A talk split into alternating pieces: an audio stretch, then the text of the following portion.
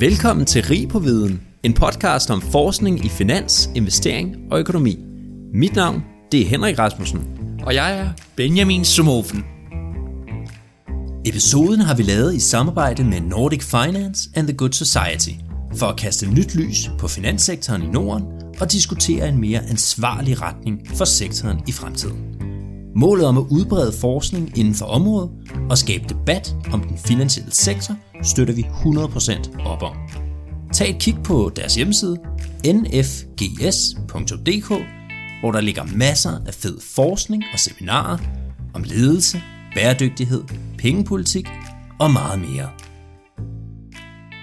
Forleden stødte jeg over en, en stor tosidig børsenartikel med overskriften Masser af dynamik og udskiftninger på bestyrelsestoppen. Det er jo pragtfuldt, men når man så faktisk ser hen over artiklen og alle de flotte portrætfotos, der er af 20 bestyrelsesformænd, jamen så er der paradoxalt nok ikke en eneste kvinde at få øje på her. Over hele den tosidede flotte børsenartikel, der er 20 hvide middelaldrende mænd, alle sammen i skjorter og jakkesæt. Og man kan jo godt stille sig selv det her spørgsmål. Jamen, hvorfor ser man det her, når samtlig forskning gennem masser af tid viser, at divers ledelse, det gør, at virksomheder de performer bedre, det går bedre for aktiekurserne, men alligevel så er der det her paradoks. Øh, hvis man skal være lidt konkret, så er det faktisk kun 19% af de danske bestyrelsesposter, der er besat af kvinder, og faktisk ja, så har 56% af virksomhederne slet ingen kvinder i bestyrelsen. Derfor så er vi taget på besøg hos øh, Lars Christian Runemus, som leder af Center for Corporate Governance på Copenhagen Business School. Han har også en Ph.D. i ledelse og sidder i en række bestyrelser. Hjerteligt velkommen til dig, Lars. Mange tak, og mange tak for indbydelsen. Jamen, det var da bare så lidt. Kan du ikke starte med at fortælle os lidt om dig selv, og hvordan du kom til at beskæftige dig med diversitet og ledelse? Jamen, kort fortalt, jeg har haft en international øh, karriere, primært uden for Danmark, øh, forskellige øh, funktioner, blandt andet for asset management, fast moving consumer goods og også en del M&A-arbejde. Og når man så steg i øh, graderne, så blev der også kommet et nyt ledelsesansvar. Så det har altid været et område, der har fascineret mig utrolig meget. Og så i øh, 2000-2001 valgte vi at flytte tilbage til, til Danmark, og der blev så tilknyttet CBS, og tog så derfra en, en Ph.D. Og så fornøjelsen i 2015 at blive leder for Center for Corporate Governance, hvor en af vores primære områder, det er blandt andet forskning inden for bestyrelsesarbejde og også i stigende grad, øh, hvad er fremtiden for den finansielle sektor. Så et meget, meget spændende område, det her tema med diversitet, ledelse og kompetenceprofiler i bestyrelsen. Ja, og nu så sidder du jo så i spidsen for det her, der hedder Nordic Finance and the Good Society, eller NFGS. Hvad går I egentlig og laver der? Jamen det startede egentlig tilbage i, øh, for fem år siden, hvor vi var en gruppe forskere, der begyndte at kigge nærmere på den finansielle sektor. Øh, der var skrevet masser af gode publikationer omkring den store finansielle krise, og hvad var baggrunden for det, men der var egentlig meget få forskere, der interesserede sig for, hvordan skulle fremtidens finansielle sektor se ud. Og det var sådan set udgangspunktet. Vi øh, tog så henvendelse til en række andre forskere, også til den øh, finansielle sektor, og fik egentlig meget, meget god opbakning, øh, både fra en række fagforeninger, og også fra en række centrale aktører i sektoren, og det blev egentlig startskud på det her forskningsprojekt. Så i dag er vi små 25 forskere, som er tilknyttet det her projekt, og vi er lige startet på runde nummer to, øh, hvor vi har fået en samlet bevilling på, på 13 millioner. Så det er stadig et utroligt spændende område, og der kommer stadig nye temaer til. Og hvad er det for nogle typiske temaer, som I ligesom øh, skriver forskning om? Det overrasker jeg nok ikke. Øh, I øjeblikket er der meget selvfølgelig fokus på, på bæredygtighed. Det er et tema. Hele digitaliseringen, øh, diskussionen omkring også skal vi have digitale valutaer, som kommer hurtigere, jeg tror, end de fleste måske forventer.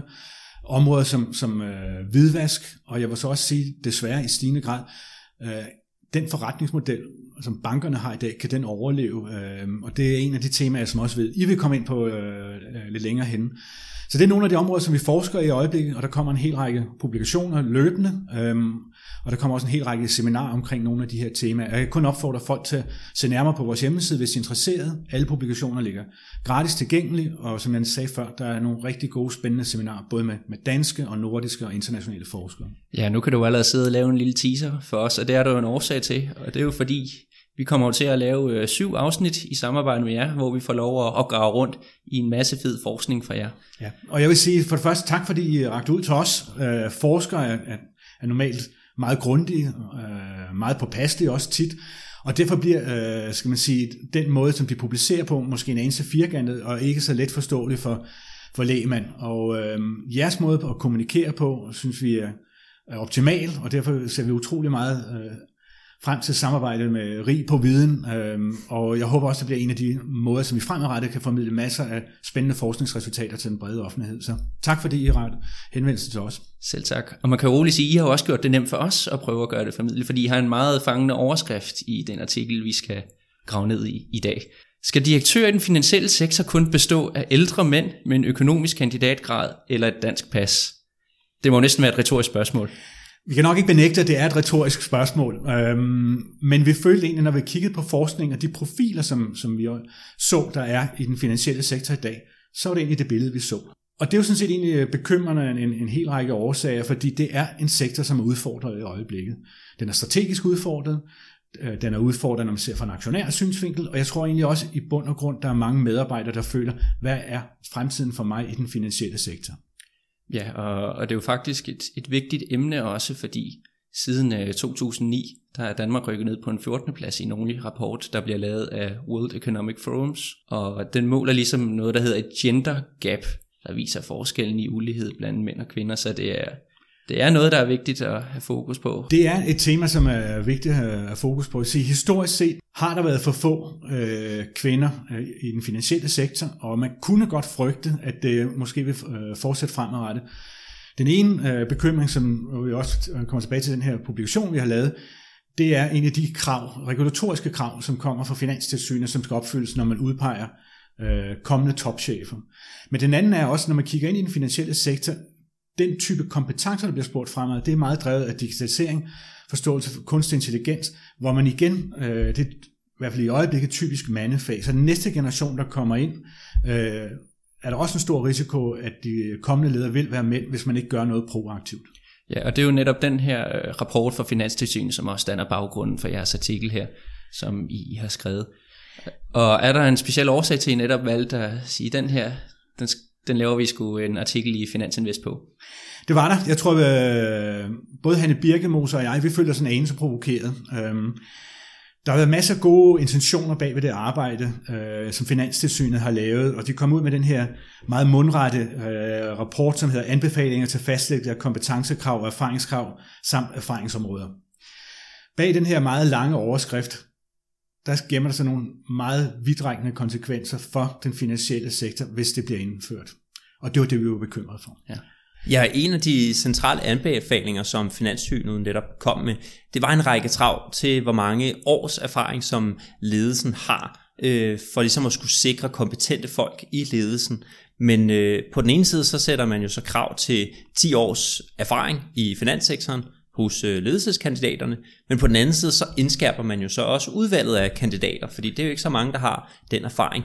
Hvad, hvad tænker du er problemet i at sætte de her krav? For det første, de, de 10 år, det er for de systemiske øh, banker, det vil sige de, de, de seks store banker, vi har i Danmark.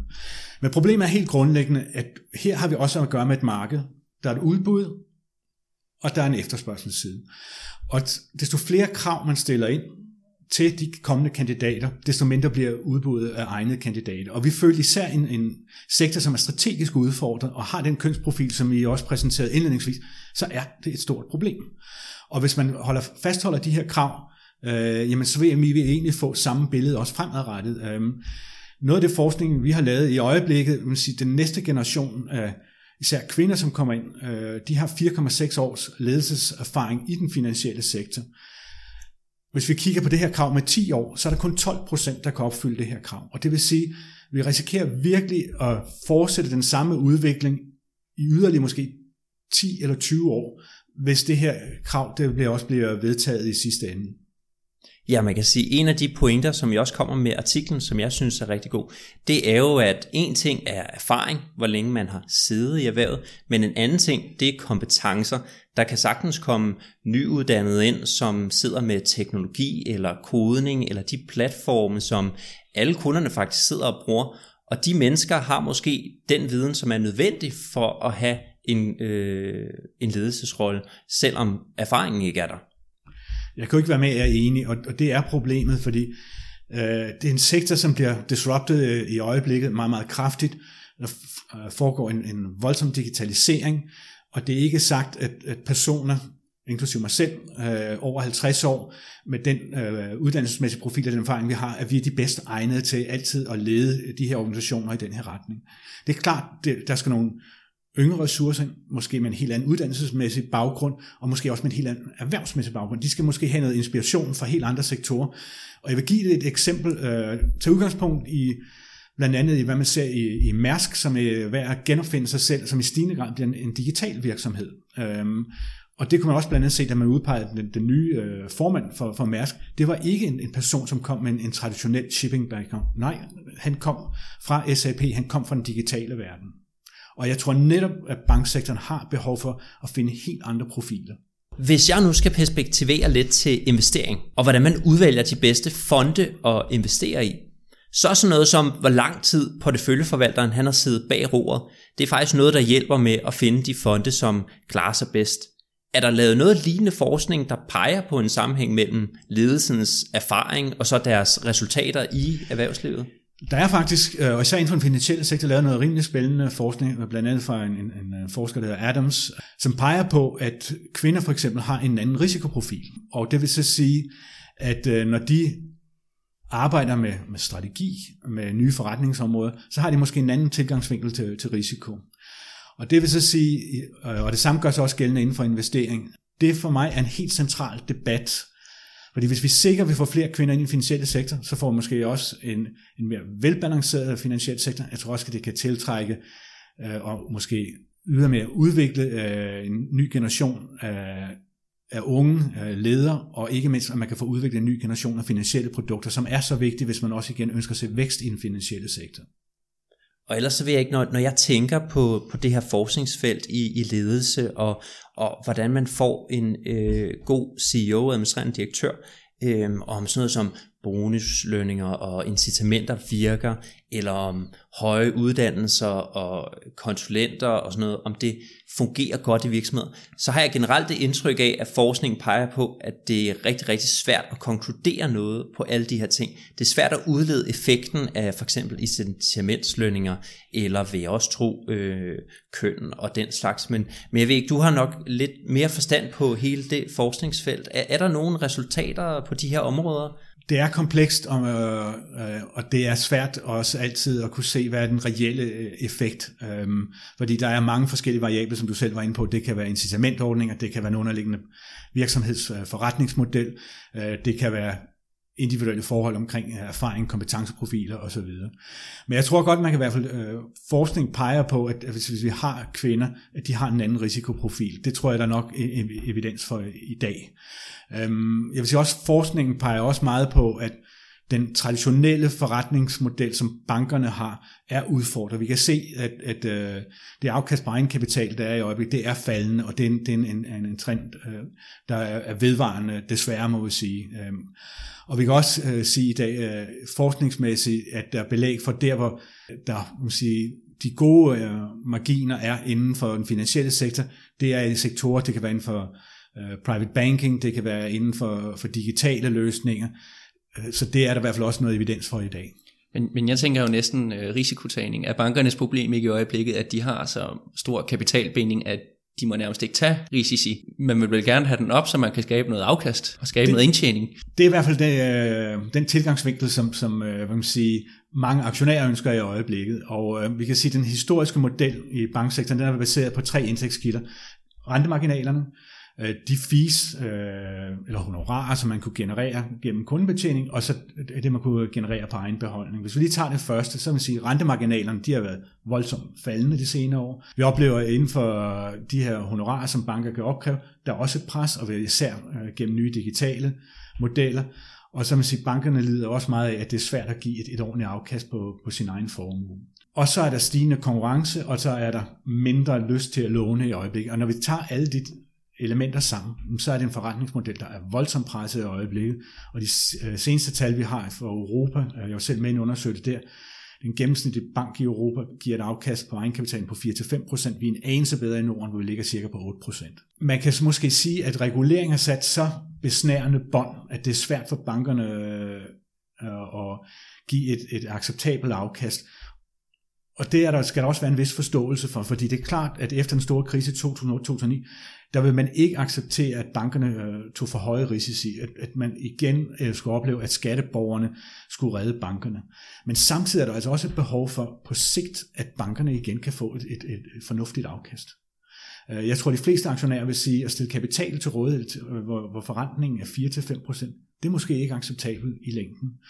Øhm, og det er også derfor, man må sige, selv mange af de nordiske banker, øh, de bliver altså handlet til en, en værdi, som er langt under den indre værdi i dag. Ofte med en rabat 30-40, helt op til 60 procent.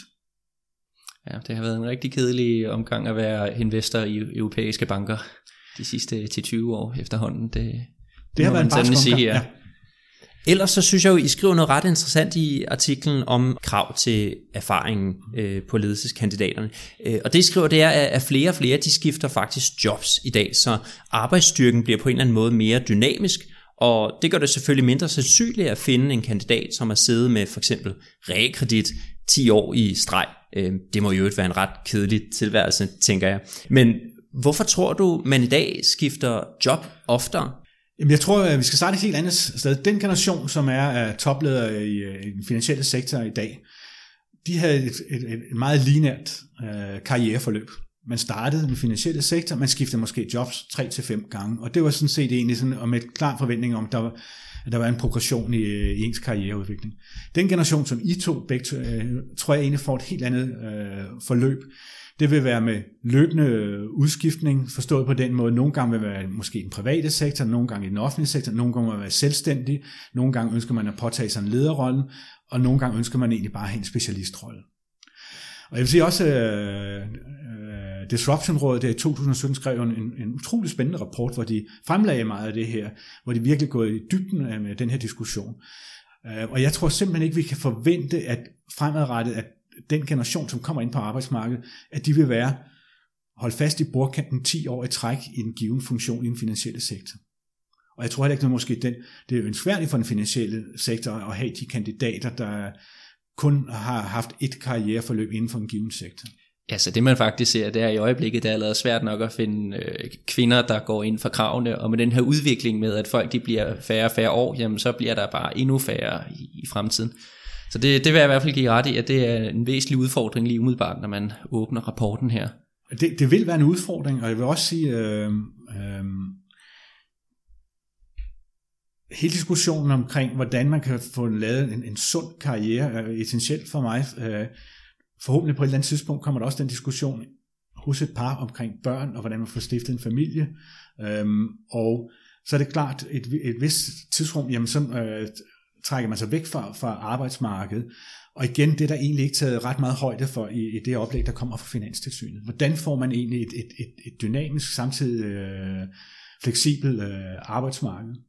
Jeg vil, og jeg vil se øh, et, et godt eksempel, Nina Schmidt, øh, som i dag er bestyrelsesformand øh, for den fond, som, som styrer øh, Nykreditkoncernen, har jo selv haft et karriereforløb, som har været meget usædvanligt, men forholdsvis sent i karrieren i dag er på toppen, og har taget det lange øh, seje træk, og jeg tror, vi kommer til at se mange flere øh, den slags personer, som netop har et meget afvekslende karriereforløb. Og det skal vi kunne tage højde for. Det skal også kunne rumme i lovgivningen. Ja, nu så vi jo Jakob Aarup her, som blev indstillet til direktør i Danske Bank. Men han røg jo ikke videre igennem. Altså han, han var jo et klart talent, viste men øh, han blev også træt af den finansielle sektor, så man øh, for denne gang, ved vi, og hoppede over til ISS. Jo, men øh, Jakob Aarup er jo en, et godt eksempel på, hvordan et, et dynamisk arbejdsmarked fungerer. Øh, uden tvivl en, en meget dygtig og meget kompetent leder. Og hvis han føler på et eller andet tidspunkt, at en given branche ikke er interessant, og der er nogle andre muligheder, der åbner sig et andet sted, hvorfor så løbe igennem hvad man siger, den her spidsråd, som han oplevede, personlig spidsråd, hvor der blev stillet en række spørgsmål, var han egnet, og blev egentlig øh, hængt ud, øh, i hvert fald med nogle spørgsmål i pressen om, om, om, omkring det forløb, han havde været igennem. Og det er jo ikke, det er der ikke nogen øh, erhvervsleder eller kommende topledere, som ønsker. Og jeg tænker på, hvad for nogle fordele viser forskningen hos virksomheder med diversitet i ledelsen? For eksempel med en god kønsfordeling, hvor der både er unge og gamle, og hvor der er folk fra en masse forskellige etniciteter. Forskning i øjeblikket er ikke entydig inden for det område, som vi også var på indledningsvis, men rent intuitivt er det jo egentlig logisk, at man skal have sammensat vil sige, nogle, nogle forholdsvis brede ledergrupper med forskellige øh, kompetencer. Det mener jeg er helt essentielt, og det er underordnet, om det er på bestyrelsesniveau, om det er i direktionen, eller det er længere nede i, i organisationen. Det er også klart, når man får forskellige kompetencer, sandsynligheden for, at man får udvikle nye spændende produkter, at man får en anden risikostyring, den er selvfølgelig være høj, og jeg tror også, at det forskningen peger på. Vores problem i øjeblikket bare rent forskningsmæssigt er, at vi har kun talserier datamateriale for en forholdsvis kort periode. Øh, så det er derfor, jeg er lidt forsigtig med at drage de helt store konklusioner, som du sikkert øh, kan høre. Men jeg mener igen, der ligger et ansvar, øh, også for den danske finansielle sektor, at se i den retning. Hvor, hvor lang tid har man tracket det her? Altså jeg kan sige, øh, vi har kigget tilbage, øh, også blandt andet det forskning, vi laver på Center for Corporate Governance, hvor vi begynder faktisk nu at samle datamateriale tilbage de sidste 20 år. Okay. Ja, det vil i hvert fald sige, det plejer også at være noget, vi siger, når vi kigger på faktorer og aktieanalyser, at vi skal i hvert fald have de 20 år for at kunne begynde at, at konkludere noget på det. Men, men det er jo ret spændende emne, du, du stikker ind til, Henrik, for det er jo virkelig meget omdiskuteret, og McKinsey har også lavet en rapport, øh, som der bliver hævet frem i nyerne, og de påstår jo, at faktisk at virksomhedsbundlinje kan blive forbedret helt op til 20% ved at have en divers ledelse mellem køn. Og hvis man tilføjer et ekstra element af race, etnicitet, så kan man faktisk forbedre virksomhedsbundlinjen med 10% oveni. Og det er jo, det er jo helt vildt, og Lars, hvis du sidder her og siger mig, at det kan man sagtens udfordre, det vil jeg også tro øh, på, for det er jo det virker virkelig som om, at hvis det her bare er opskriften på bundlinjen, jamen hvorfor gør alle det ikke bare? Og det tror jeg, det var også, øh, fordi så ville det være intuitivt så utrolig let. Altså ledelse er en ekstremt kompleks øh, disciplin, og ansætte øh, nye medarbejdere til tid, inden de er integreret, før de kan levere resultater. Det er den anden del. Øh, vi så det også øh, blandt andet nogle af de første undersøgelser. Norge indførte jo et kvotesystem på kvindelige bestyrelsesmedlemmer, og det var måske ikke politisk opportun, da de første forskningsresultater kom ud, som faktisk viste, at hvor man havde opfyldt det her krav med 40 procent, der var resultatet ikke blevet forbedret til med i nogle tilfælde også faldende. Det tager tid, men jeg tror igen, øh, som jeg sagde indledningsvis, intuitivt, det er det rigtige, og jeg tror også på sigt, at man må se øh, bedre resultater, som kunne pege i den retning, måske ikke så, så, så positivt, som det McKinsey siger, men jeg tror, det vil skabe mere værdi for, for selskaberne, og så tror jeg også i bund og grund, det vil skabe en meget bedre arbejdsplads. Øh, arbejdspladser, hvor der er diversitet, øh, uden tvivl også mere spændende arbejdspladser, og det giver også en meget bedre dynamik. Men, men er det, tror du, det er diversiteten i sig selv, der skaber det, eller er det virksomheden, som har en kultur med diversitet, der bare gør, at det, de tiltrækker de rigtige medarbejdere, og derfor kan de levere bedre sammen? Jamen jeg tror netop, hvis virksomheden sin åbenhed underordnet, om, om du er dansk eller svensk, eller du har en amerikansk eller en pakistansk baggrund, Allerede det er utrolig attraktivt, for så er, siger du klart og tydeligt, at vi vil have det bedste egne som et område. Og det samme gør sig selvfølgelig gældende, hvis du er køn, at man kan demonstrere, at det, uagtet om du er mand eller kvinde, eller at, at du så også kan nå toppen, og det samme også øh, med din, din baggrund. Øhm, og det tror jeg også, vi mangler stadig meget at se i den finansielle sektor. Historisk set har det været økonomer eller jurister, der nåede toppen, men hvornår ser vi folk måske med andre baggrunde, som også når toppen i den finansielle, bag, eller finansielle sektor? Ja, jeg tror personligt, hvis man som virksomhed netop har nogle mindre grupperinger af for eksempel kvinder eller udlændinge, og det ellers ikke er en særlig divers forretning, så tror jeg, at risikoen er, at de grupper måske kan føle sig lidt tilsidesat eller overset, eller at kulturen den bliver skabt omkring øh, flertallet, og fuldstændig ignorerer de her mindre grupper, altså for eksempel i virksomheder, hvor der er rigtig mange mænd, øh, der kan det gå hen og blive lidt mandsjuvenistisk. Vi har haft rigtig mange sager med MeToo, og jeg tænker, den slags kan man i høj grad undgå, hvis man har en, en kultur og også en øh, øh, medarbejderstab, som øh, omfavner kvinder.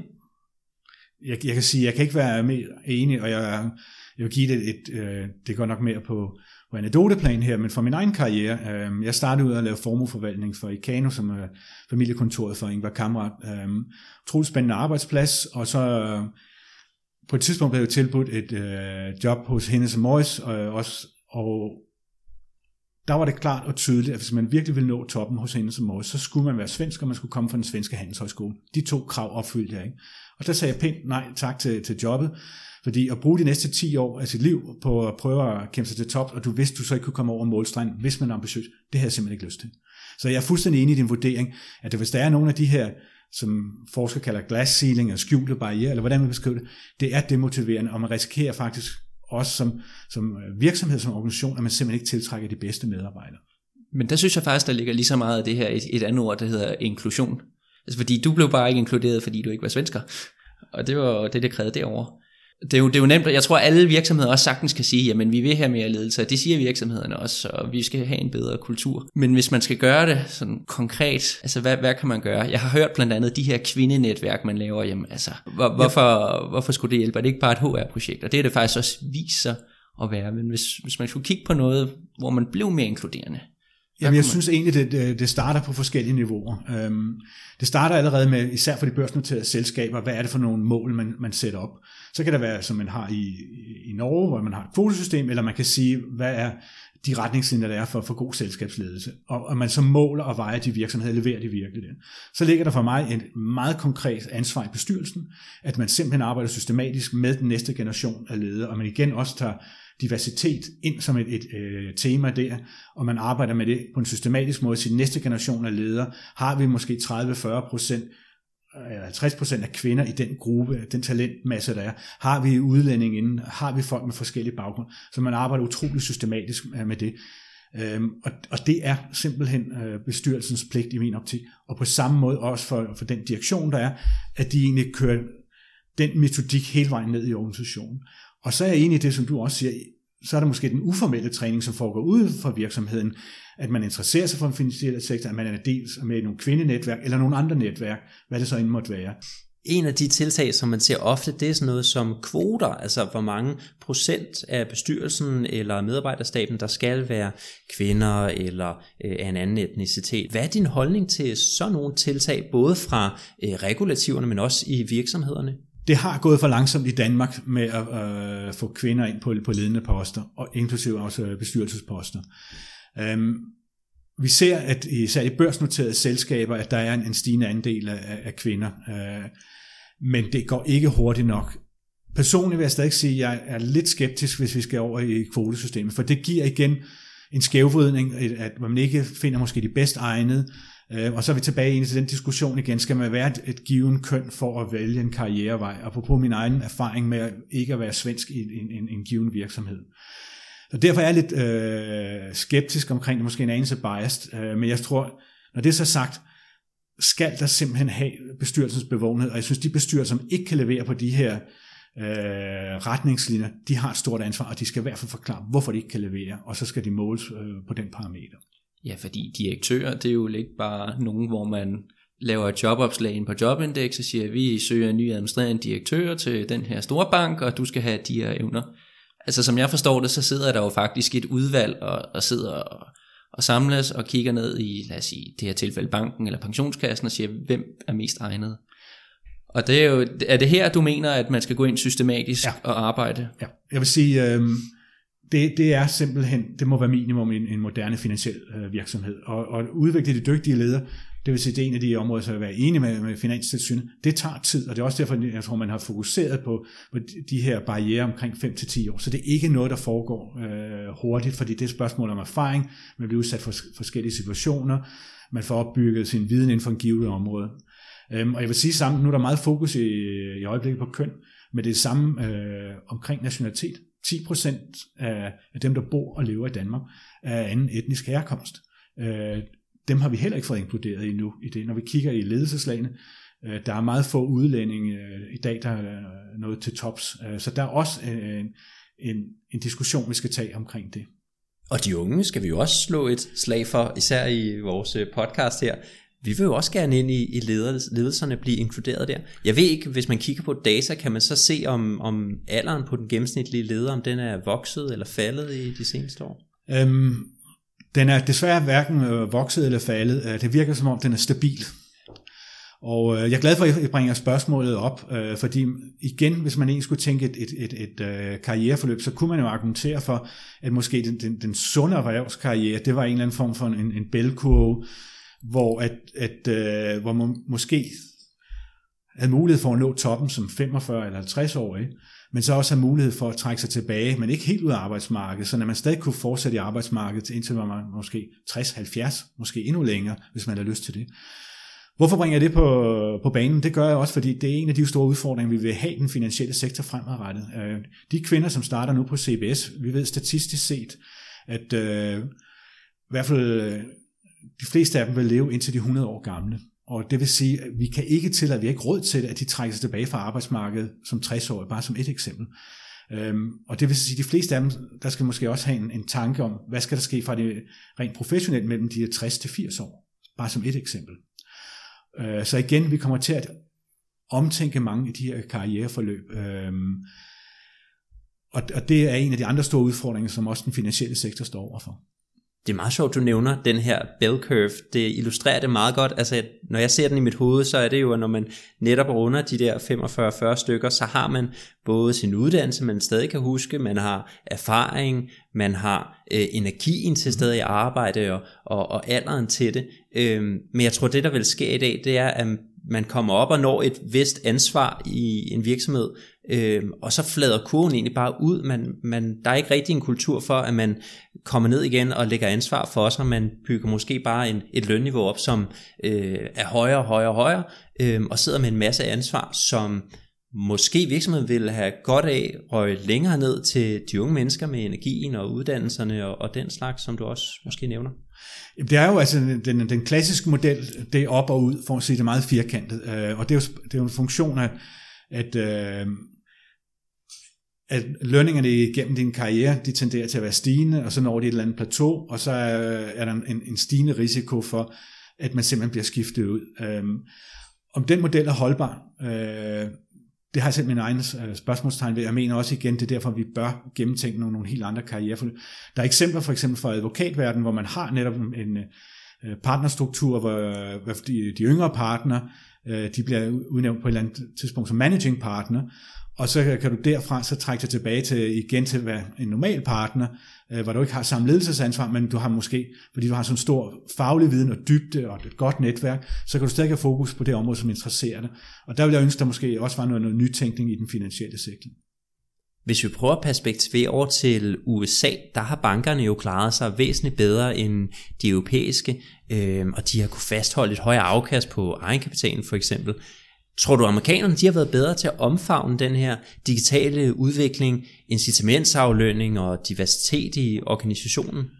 Ja, delvis, men jeg tror også, der er nogle helt andre ting. Øh, det er, at, at grundlæggende amerikanerne har et, et større hjemmemarked, øh, cirka omkring 320 millioner øh, indbyggere, øh, nogle af de globale, øh, ledende globale aktører inden for investment banking, asset management og private equity er store amerikanske spillere. Og der må jeg sige, der ligger den, den danske finansielle sektor desværre meget dårligt, så mange af de amerikanske aktører har bevæget sig ind i områder, hvor der forrentning af egenkapitalen er noget højere. Ingen tvivl omkring det. Øh, og så tror jeg også, lige for at komme til de spørgsmål, øh, amerikanske virksomheder og koncerner har generelt set været meget, meget dygtige til at arbejde med talentudvikling. Og det, der tror jeg stadig, vi har noget, vi kunne lære i Europa, inklusive nogle af de elementer, du siger med etnicitet øh, som baggrund, eller køn, eller alder, hvad det nu kan være. Nu har vi jo talt meget om kvinder, og lidt om kvoter, og det bliver mere og mere indskrænket, ser det ud som, på baggrund af, at Finanstilsynet har lavet den her rapport, og de anbefalinger er jo gældende. Altså så, hvis man ligesom skal acceptere, at nu kræver det, der mere og mere erfaring, og udbydet bliver lavere, Jamen, så synes jeg, det virker jo helt naturligt. Jamen, hvordan kan man så undgå, at der kommer noget som, at nogen, der kommer ind og skal være et show-off for virksomheden og sige, se, vi har øh, så og så mange kvinder, ligesom kravene siger. Der er selvfølgelig en risiko, jeg tror amerikanerne kalder det the, the golden uh, skirt, og den risiko er der selvfølgelig, at man bevidst uh, ansætter en, en person, fordi hun er kvinde. Men jeg tror igen også, at, at den risiko er forholdsvis begrænset. Og jeg tror egentlig mere, det er at være systematisk omkring det, og så øh, lede efter de kvinder, som er interesseret i den finansielle sektor, opfordre dem til at søge de positioner, og så have et karriereforløb, som virkelig kan accelerere deres karriere, og arbejde igen med det meget, meget øh, pro-dynamisk. Det er for mig øh, vejen fremad. Ja, for man kan sige, altså selvom man tænker, at finanssektoren bare er en masse gang støde øh, gamle mænd, så faktisk, hvis vi tager en, en stor finansiel virksomhed som Danske Bank, så er der faktisk lige mange mænd og kvinder. Altså så selve massen at tage af, den er 50-50. Massen er i dag 50-50. Øh, jeg vil sige også, øh, hvis vi ser på CBS som en, et godt udgangspunkt, så har vi jo lige så mange kvindelige og mandlige studerende i dag, så er heller ikke nogen forskel den vej rundt. Så det er et spørgsmål om at lige, øh, hvordan får vi de næste ledelseslag på plads, og det kan jo igen den systematik, som jeg talte om tidligere, og så måske også opfordre kvinder til at tage den vej, og så se på, hvordan kan man få balanceret, øh, og måske også de forventninger, der er til, til kommende topledere. Der er ingen tvivl om, at toplederpositioner er utrolig krævende, øhm, og øh, jeg tror også en del kvinder desværre stadig tvivler på, om de har måske de evner, og om de er villige til at ofre så meget for at nå en given position. Så det er nogle af de barriere, vi skal arbejde mere systematisk med. I mange virksomheder, så er 50% af kunderne måske kvinder, og derfor ser jeg jo måske, at det giver god mening, at 50% af ledelsen eller medarbejderne også netop er øh, kvinder, fordi de netop forstår og kan imødekomme øh, målgruppen og den her fordeling. Giver det meget god mening, eller kan man bare sige, at mænd de kan sætte sig ind i, hvad kvinder de ligesom har af behov? Jeg tror, øh, for det første, 50% af kunderne i den finansielle sektor er i dag øh, kvinder, og kvinder øh, viser stigende interesse for finansielle produkter. Øhm, og jeg tror også måske ofte, at, at kvinder vil være øh, meget interesserede i at have for eksempel en, en, en kvindelig rådgiver, som kan hjælpe øh, med, med investeringer, med finansiel rådgivning osv. Jeg vil ikke kunne konkludere, at mænd ikke kan rådgive kvinder eller den anden vej rundt. Det tror jeg på firkantet sagt. øhm, og det synes jeg heller ikke peger den vej hen, som jeg tror, vi alle sammen gerne vil.